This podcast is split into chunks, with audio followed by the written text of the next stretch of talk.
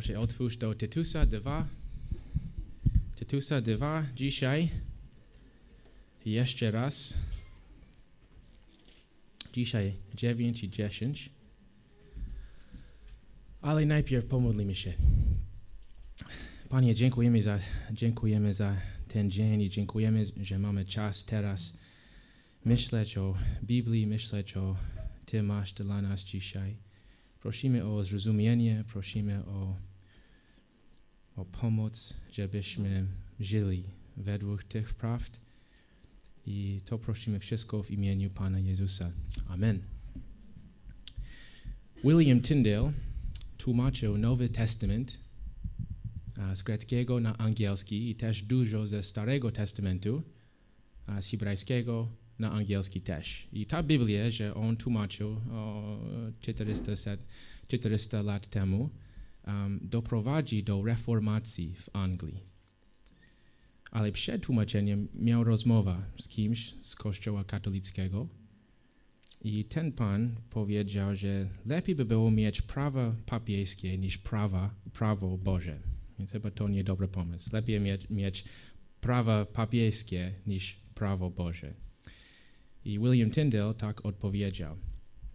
Jeśli Bóg pozwoli mi żyć jeszcze przez wiele lat, sprawię, że chłopiec, który prowadzi pług, będzie wiedział więcej z Pisma Świętego niż ty.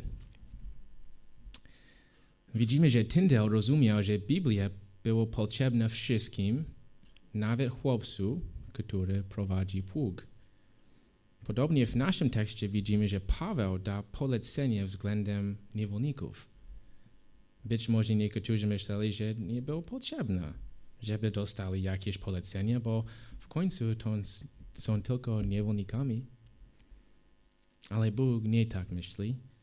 Niewolnicy w czasach Pawła mieli bardzo ważne dzieło do wykonania, a mianowicie bycie używanym przez Boga do przyciągania ludzi do Ewangelii. Bycie używanym przez Boga do przyciągania ludzi do Ewangelii. Być może należeli do niskiej klasy, ale mieli duży przywilej.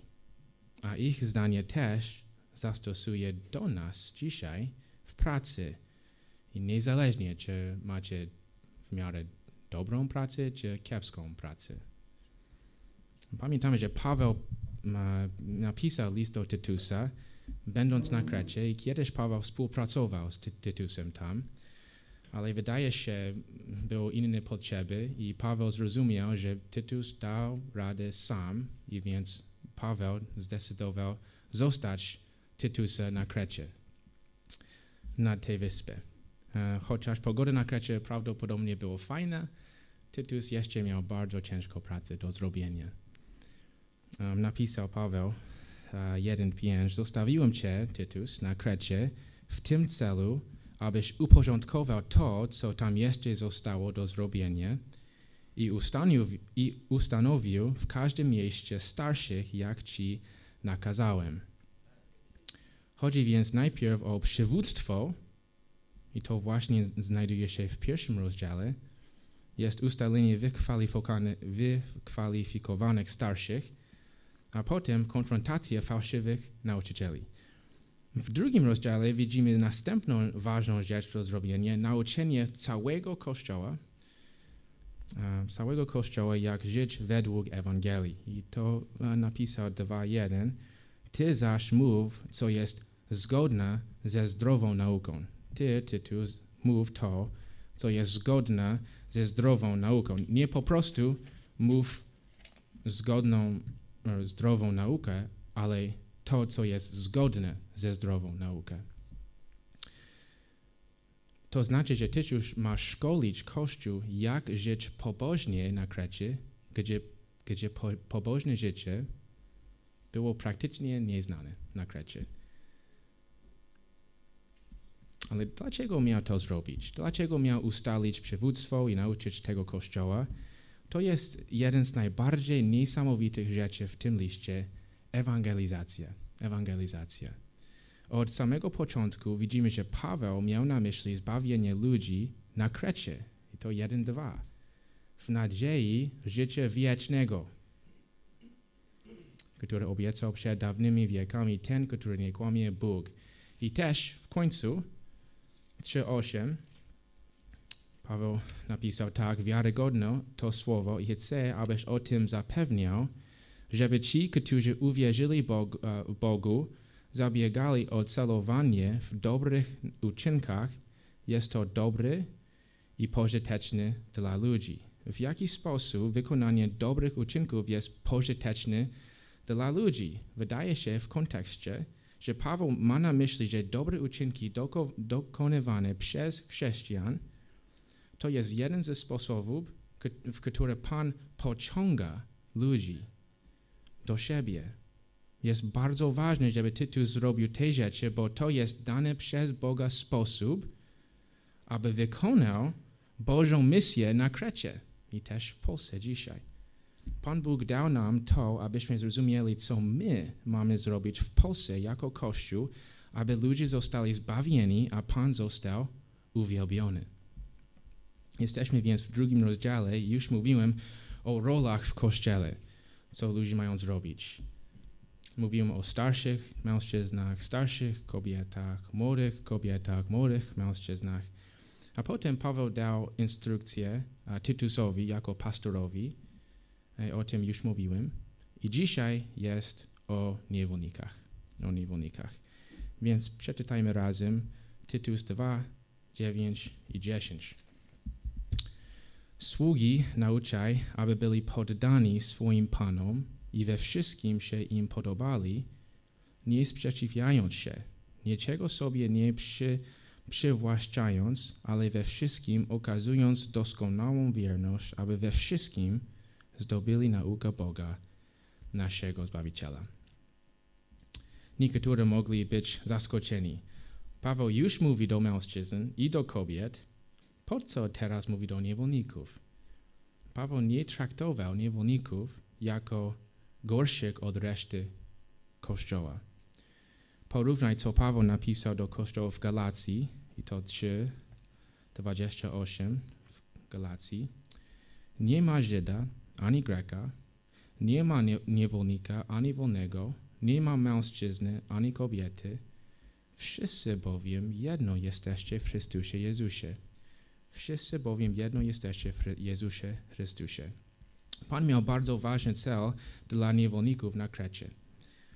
Później zobaczymy, że zastosowanie tego wersetu jest bardzo szerokie, ale na razie chciałbym podkreślić, że Pan nie widzi sprawy tak, jak ludzie widzą sprawy. Dla Boga niewolnicy mają bardzo ważną pracę, bo mogą rozgłaszać Ewangelię. Będę mówił później o tym, tylko chciałbym zachęcić kogoś teraz i tutaj, który myśli, że ich praca jest mało wartościową i niedobra. Pan Bóg postawił cię dokładnie tam, gdzie jesteś, dokładnie tam, gdzie jesteś, dla swojego celu i możesz go uwielbić w tej podstawowej pracy. Zanim powiem, o szczegół, e, zanim powiem o szczegółach, chciałbym najpierw wyjaśnić sprawę niewolnictwa w czasach Pawła, bo jest trochę skomplikowane. Polskie słowo słudzy jest tłumaczeniem greckiego słowa dulus. Chyba słudzy to nie jest najlepsze tłumaczenie tego słowa, słowa. raczej lepsze nie, e, byłoby niewolnicy. Niewolnicy.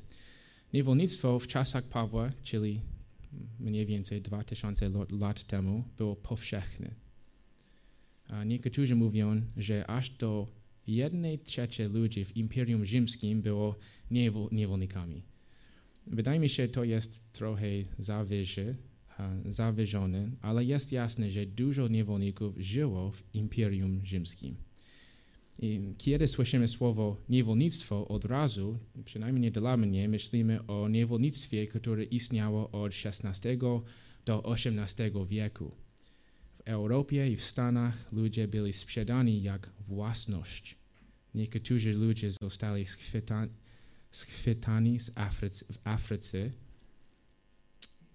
a potem sprzedane jako własność. A czasami dzieci były oddzielone od swoich rodziców, mus, musieli potem pra, pra, pracować w trudnych warunkach. Um, czasami też byli zach, zachnięci do, na dno łodzi, zapchnięci, dobrze powiedziałem? Zapchnięci na dno łodzi na długą i czasami śmiertelną podróż do nowego kraju. I to jest po prostu złe. To jest niedobre. Um, John Newton uczestni uczestniczył w tym handlu niewolnikami. Później nawrócił się do Pana i napisał bardzo słynną pieśń Cudowna łaska. Po angielsku jest Amazing Grace. Bardzo słynny. Jest przypomnienie, że, zbawi, że Pan zbawi grzeszników tak jak my. Kiedy John Newton miał już swoje lata, miał trudności z pamięcia, ale był w stanie pamiętać dwie rzeczy. Powiedział tak. Ja jestem wielkim grzesznikiem, ale Chrystus jest wielkim Zbawicielem. Chwała Bogu za to. Niewolnictwo w czasach Pawła było inne. Nie mówię, że nie było nadużyć, ale nie było to samo niewolnictwo, jakie widzieliśmy kilkaset lat temu. A na przykład w czasach Pawła niektórzy sprzedali siebie w niewolnictwo. Sprzedali siebie, naprawdę, bo było możliwe za jakiś czas uzyskać wolność i obywatelstwo rzymskie. Niewolnicy mogli, pra mogli pracować jako kucharze, a inni, a inni jako lekarze i dużo pomiędzy. Niewolnicy byli często bardzo dobrze wykształceni. Jeżeli szedłeś przez ulicę Rzymu, to nie byłoby jasne, kto jest niewolnikiem, a kto jest wolnym człowiekiem. Niewolnicy byli najważniejszym elementem gospodarki Imperium Rzymu. Oczywiście było też nadużycia. Polegali surową karą, ale najwyraźniej istniała też dla nich pewna miara ochrony prawnej. W czasach Pawła niewolnictwo było lepiej traktowane niż wcześniej w Imperium Rzymskim. To jest trochę skomplikowane, ale widzimy, że jest coś innego niż to, co widzieliśmy, widzimy kilkaset lat temu. Jeżeli chcielibyście więcej o tym że uczyć, Tomek miał całe kazanie na temat niewolnictwa uh, chyba dwa lata temu i jest dostępne online. Um, zauważ, że Paweł tutaj nie powiedział, że niewolnictwo mają się buntować. Stań się w obronie swoich praw. Nie pozwól, by cię popych, popychali. Ktoś mądrze powiedział tak. Nowy Testament nigdzie nie atakuje bezpośrednio niewolnictwa. Gdyby to zrobił, to w rezultacie powstanie niewolników zostałoby brutalnie stłumione, a przesłanie Ewangelii beznadziejnie pomylone z przesłaniem reformy społecznej. Ta sama osoba powiedziała tak, chociaż niewolnictwo nie jest potępione ani w Starym, ani w Nowym Testamencie, szczere stosowanie prawd Nowego Testamentu wielokrotnie wprowadziło do wyeliminowania jego złych tendencji. Oczywiście pokorne postępowanie niewolników prowadziłoby do największego dobra dla wszystkich w tym czasie. To pokorne postępowanie naturalnie prowadziłoby do lepszej relacji między niewolnikami i panami, więc też do bezpieczniejszych okoliczności w ich pracy. Mało tego, prowadziłoby do dobrego świadectwa o Chrystusie. I to najważniejsze. I co, co robimy z tą informacją? Wydaje się, że jest dla nas trochę teoretyczny, jednak nie.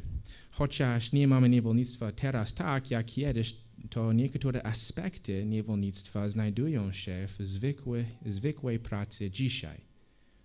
Tak jak niewolnicy, pracownicy również muszą wykonywać zadanie dane im przez kogoś nad nimi. Niewolnicy w czasach Pawła i pracownicy w naszych czasach muszą być posłuszni panom albo szefom.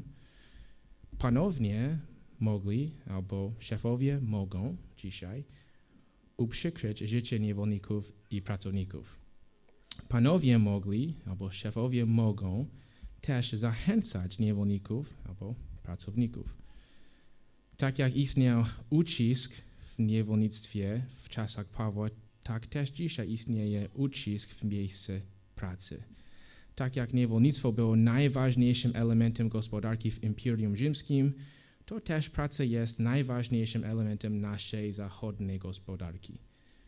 To znaczy, że to, co Paweł mówi do niewolników Tytusa 2, ma zastosowanie do pracy, do ciebie dzisiaj, w naszych czasach. Skoro uczniowie też mają robić to, co mówią nauczyciele, ten fragment też można zastosować do życia w szkole lub na uniwersytecie. Wielu z Was pracują na pełny etat i to znaczy, że spędzicie dużą część życia w pracy.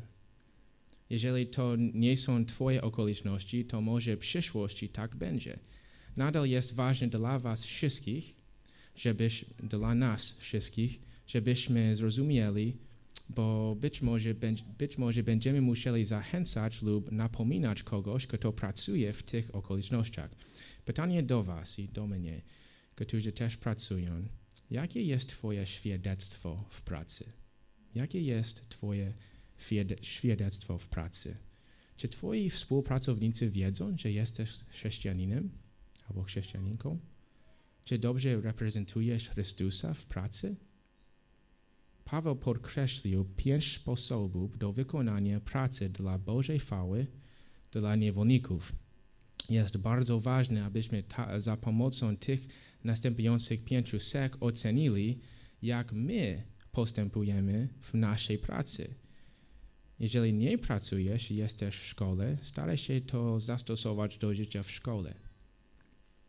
Jeżeli nie masz tego typu pracy lub szkoły, szefa i zadań do wykonania, to postaraj się pamiętać, co Bóg oczekuje od pracowników i staraj się zastosować to do Twojej sytuacji.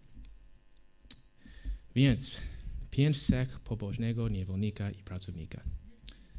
Najpierw, po pierwsze, uległy, uległy. 2.9 Sługi nauczaj, aby byli poddani swoim panom i we wszystkim. W języku greckim ma tutaj czasownika, e, czasownika no, przepraszam, w języku greckim nie ma tutaj czasownika i dlatego w UBG, co ja czytam, słowo naucza jest kursywą. Paweł ma na myśli tutaj słowo napominaj z szóstego wersetu. Tytus więc musi uczyć i mocno zachęcać niewolników, by byli poddani swoim panom. To nie jest naturalnie dla nas.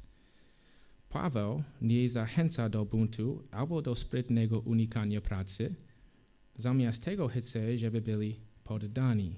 poddani. To znaczy to samo dla nas w miejscu pracy dzisiaj. Jeżeli nie otrzymamy sprawiedliwej pensji lub warunki pracy są niemiłe, to jest dla nas pokusa, by się buntować. Nie zrobię tego, czego chcą. Manipulują mną.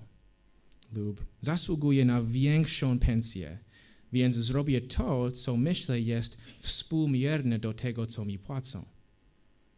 Pan chciał, aby nawet niewolnicy którzy byli, wed, by, byli według prawa rzymskiego własnością, mm, byli poddani. O ile bardziej my mamy być poddani w warunkach, które mamy w pracy.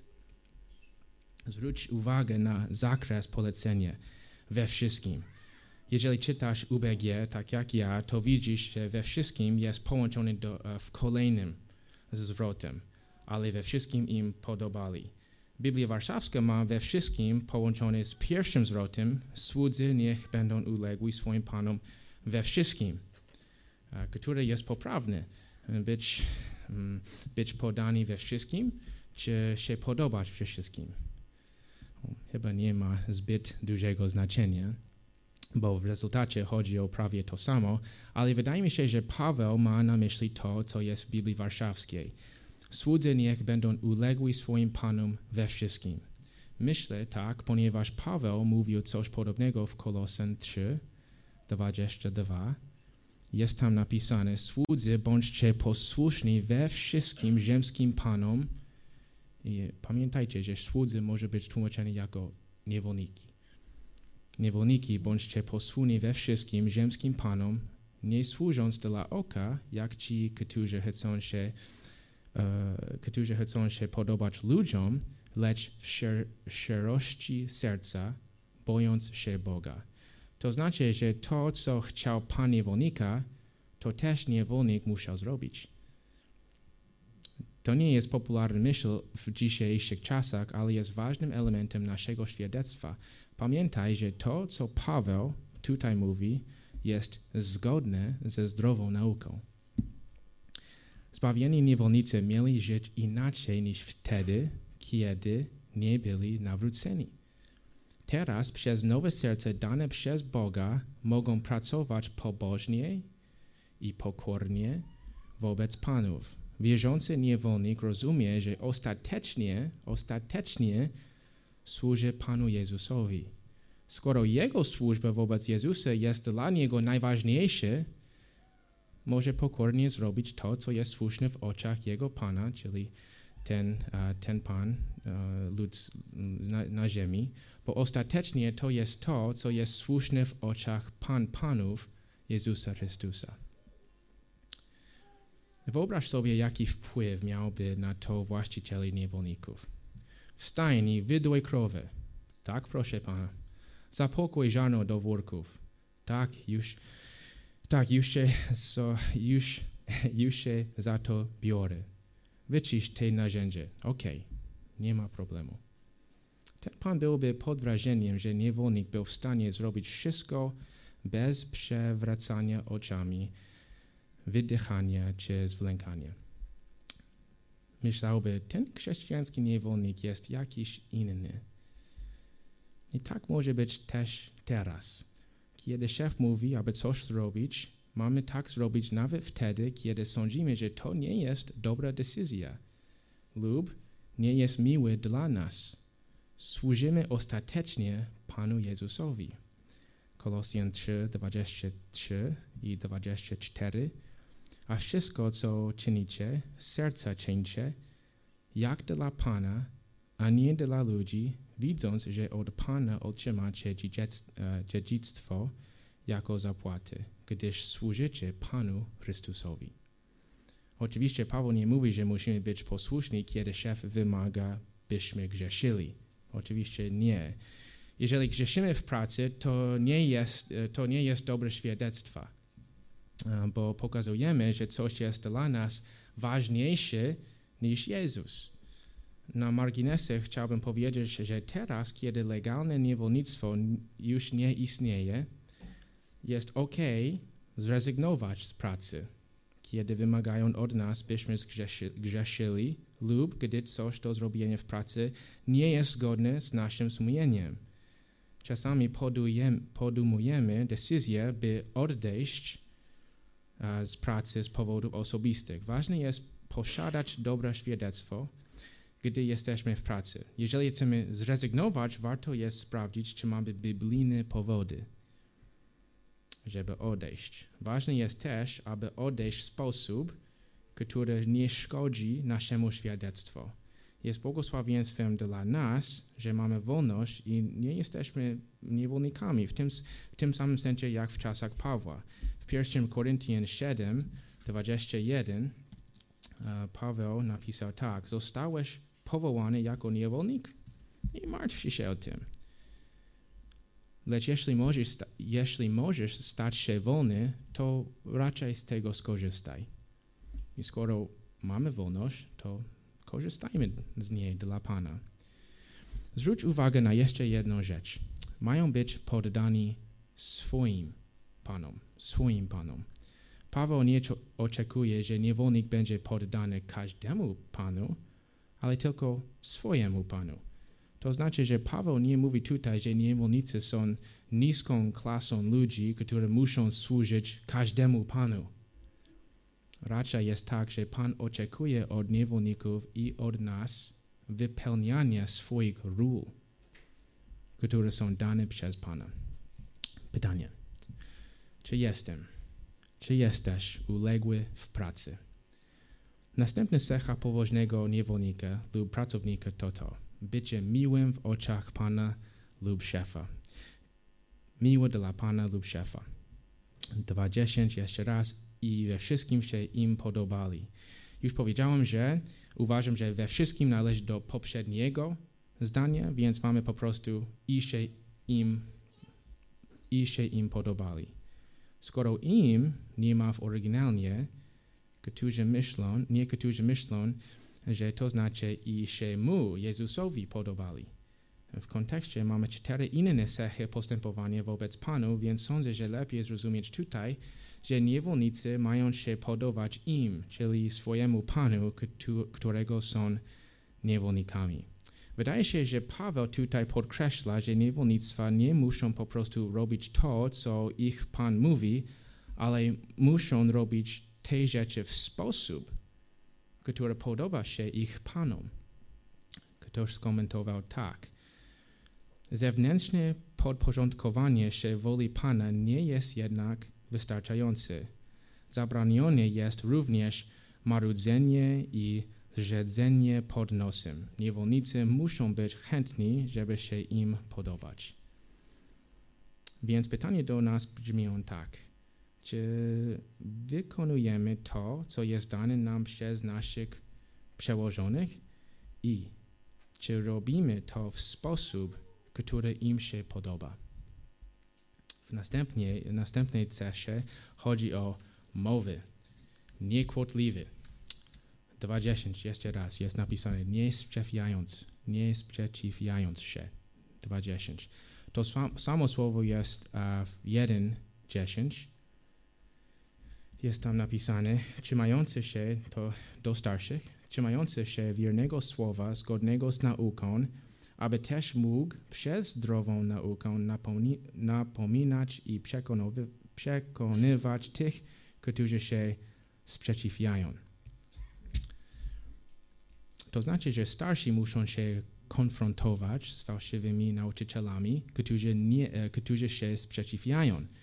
Znaczenie słowa jest prawie to samo tutaj. Paweł wie, że niewolnicy potrafi kłócić się z panami. Łatwo też nam tak robić w nas, naszej pracy. Panie Zbigniewie, proszę rozładować te palety do, magazyn, do magazynu. Nie mogę teraz, jestem zajęty. Ale musimy, proszę, to jest najważniejsza rzecz do zrobienia teraz. Przykro mi, ale muszę zadzwonić do klientów. Pamięta pan? Kazał mi pan. Rozumiem, ale na razie to musi poczekać i teraz mamy rozładunek. Ale potem klienci będą niezadowoleni i ja będę musiał zająć ich skargami. To nie byłoby dobre świadectwo.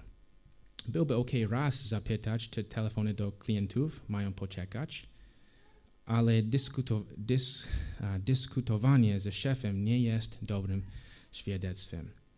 Pamiętam, że kiedy pracowałem w Stanach, w biurze mój współpracownik i przyjaciel został awansowany na stanowisko nade mną. Byliśmy chyba równi, jeżeli chodziło o wiedzę tej, tej pracy. I pewnego dnia w spotkaniu z innymi z biura sprzeciwałem się mu w czymś. I być może być może miałem rację, ale grzeszyłem, bo Pan Bóg postawił go na wyższym stanowisku niż mnie. Mus, oczywiście musiałem poprosić go o przebaczenie i od razu przebaczył, ale to jest pułapka i musimy być ostrożni. Pamiętajmy, że celem Boga dla niewolników i dla nas w pracy jest, żeby, żebyśmy we wszystkim zdobyli naukę Boga naszego Zbawiciela nie jest napisane po prostu bądź taki, a nie taki, ale jest napisane bądź taki, bo możesz wspomóc misję ewangelizacyjną na Krecie na Bożą chwałę. Pytanie. Czy w pracy masz reputację niekłotliwego? Kłotliwość jest ewidentnie grzechem, ale jest innego rodzaju grzechu, którego musimy unikać w pracy, to ukryty grzech to jest kradzież. Kradzież. Więc po czwarte, nie kradnięcie. I teraz w dziesiątym wersecie, niczego sobie nie przywłaszczając, przywłaszczając. Niewolnicy bez wątpienia mieli dostęp do niektórych rzeczy swoich panów. Prawdopodobnie było dla nich pokusą nie ukraść niektórych rzeczy dla siebie i myśleć, zasługuje na to. W naszych czasach można kraść niektóre rzeczy należące do pracodawców. Niektórzy mają dostęp do pieniędzy, towarów lub ważnych informacji.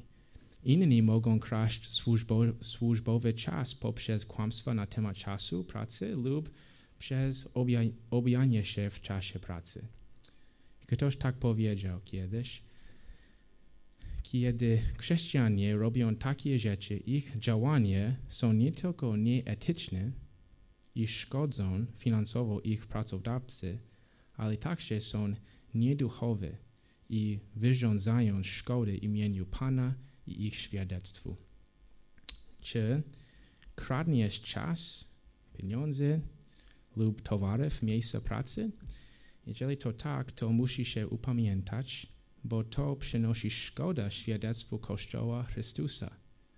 Jeżeli jesteś bardzo uczciwy w pracy, to będziesz błogosławieństwem do pracodawców i będziesz wyskazywał na Ewangelię. To prowadzi do ostatniej, ostatniej cechy pobożnego niewolnika albo pracownika. Wierność. Wierność. Musi być wierny. 2.10. Ale we wszystkim okazując doskonałą wierność. Niewolnicy mieli wykonywać pracę w taki sposób, żeby było jasne, że można na nich polegać. Widzimy jeszcze raz określenie we wszystkim. Wydaje się, że niewolnictwo i pracownicy muszą po pokazywać wierność w każdej sytuacji w pracy. Muszą być wierni, jeżeli chodzi o pieniądze, o zachowanie wobec pana, szefa i o wykonanie całej pracy na czas. Na czas. Zauważ, że Paweł napisał, okazując doskonałą wierność. To znaczy, że dla Twojego szefa powinno być ewidentnie, że jesteś wierny w każdym aspekcie pracy. Pracodawcy powinni być w stanie powiedzieć, że chrześcijanie są ich najlepszymi pracownikami. To jest plan Boga dla niewolników i to ma zastosowanie do pracowników. Czy jesteś wierny w pracy? Dlaczego Paweł tak mówi? Już się do tego odnosiłem, ale jest ostatecznie dla chwały Bożej i szukając tego dla misji ewangelizacyjnej wśród zgubionych. Wśród zgubionych. Cel jest tam napisany w dziesiątym wersecie, aby, aby, hmm, aby we wszystkim zdobyli naukę Boga naszego Zbawiciela. Wiesz, że masz okazję pokazać w pracy, jak dobra jest Ewangelia?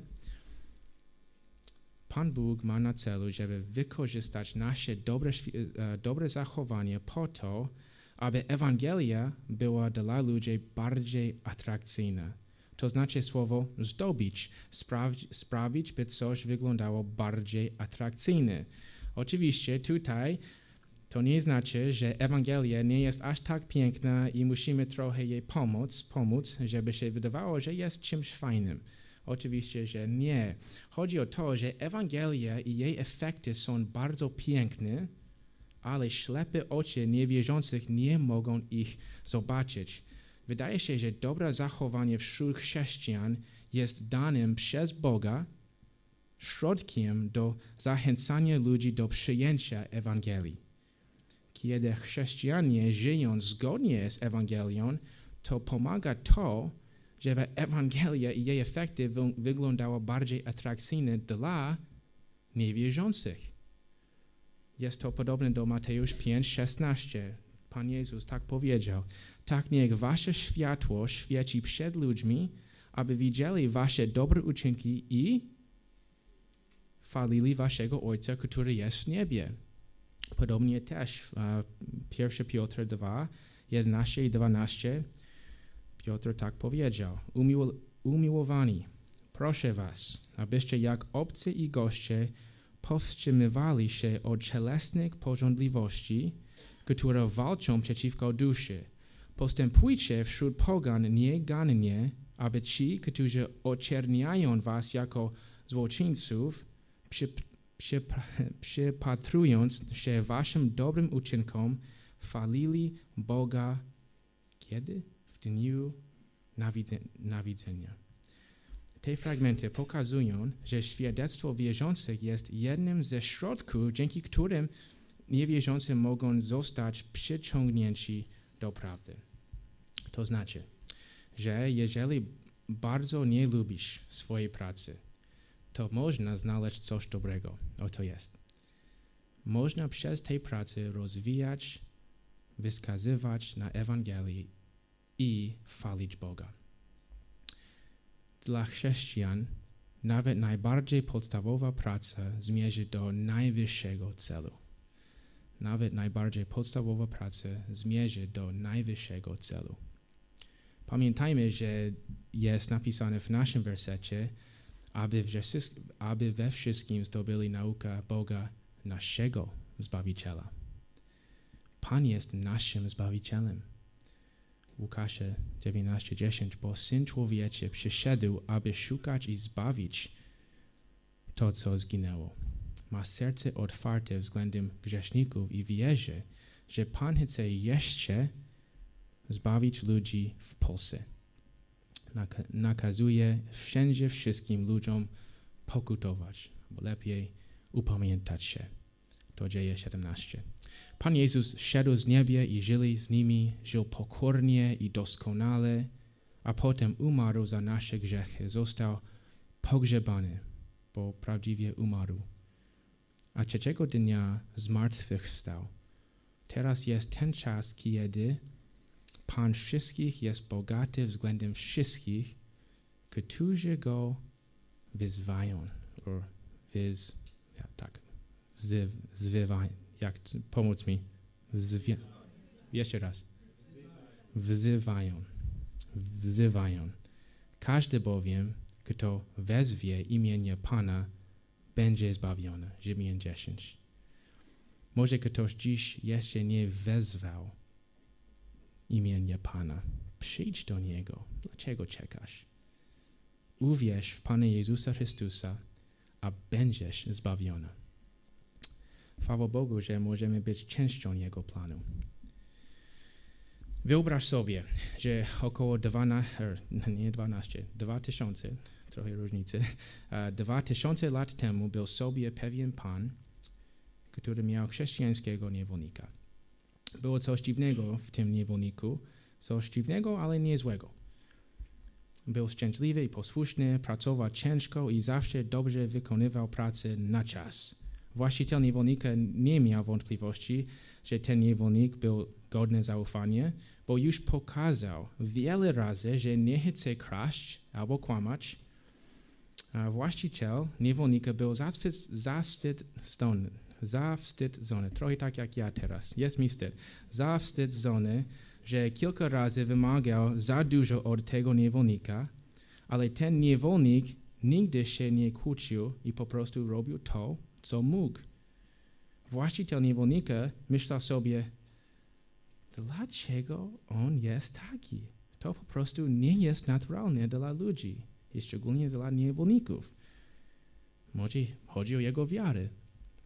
Następnego dnia poszedł na targi i podsłuchał, jak pewien chrześcijan wyjaśnia kilka osobom w Sowiezie. Zwykle przyszedłby obok, ale dzisiaj był bardzo ciekawy ze względu na swoje niewolnika i zdecydował się posłuchać tego wyjaśnienia. Usłyszał Ewangelię i upamiętał się. Kiedy popatrzył wstecz, zrozumiał, że Pan wysłał tego wiernego niewolnika jako środek do przygotowania jego serca do zbawienia. Niech będzie podobnie też z nami w naszym miejscu pracy. Pomódlmy się.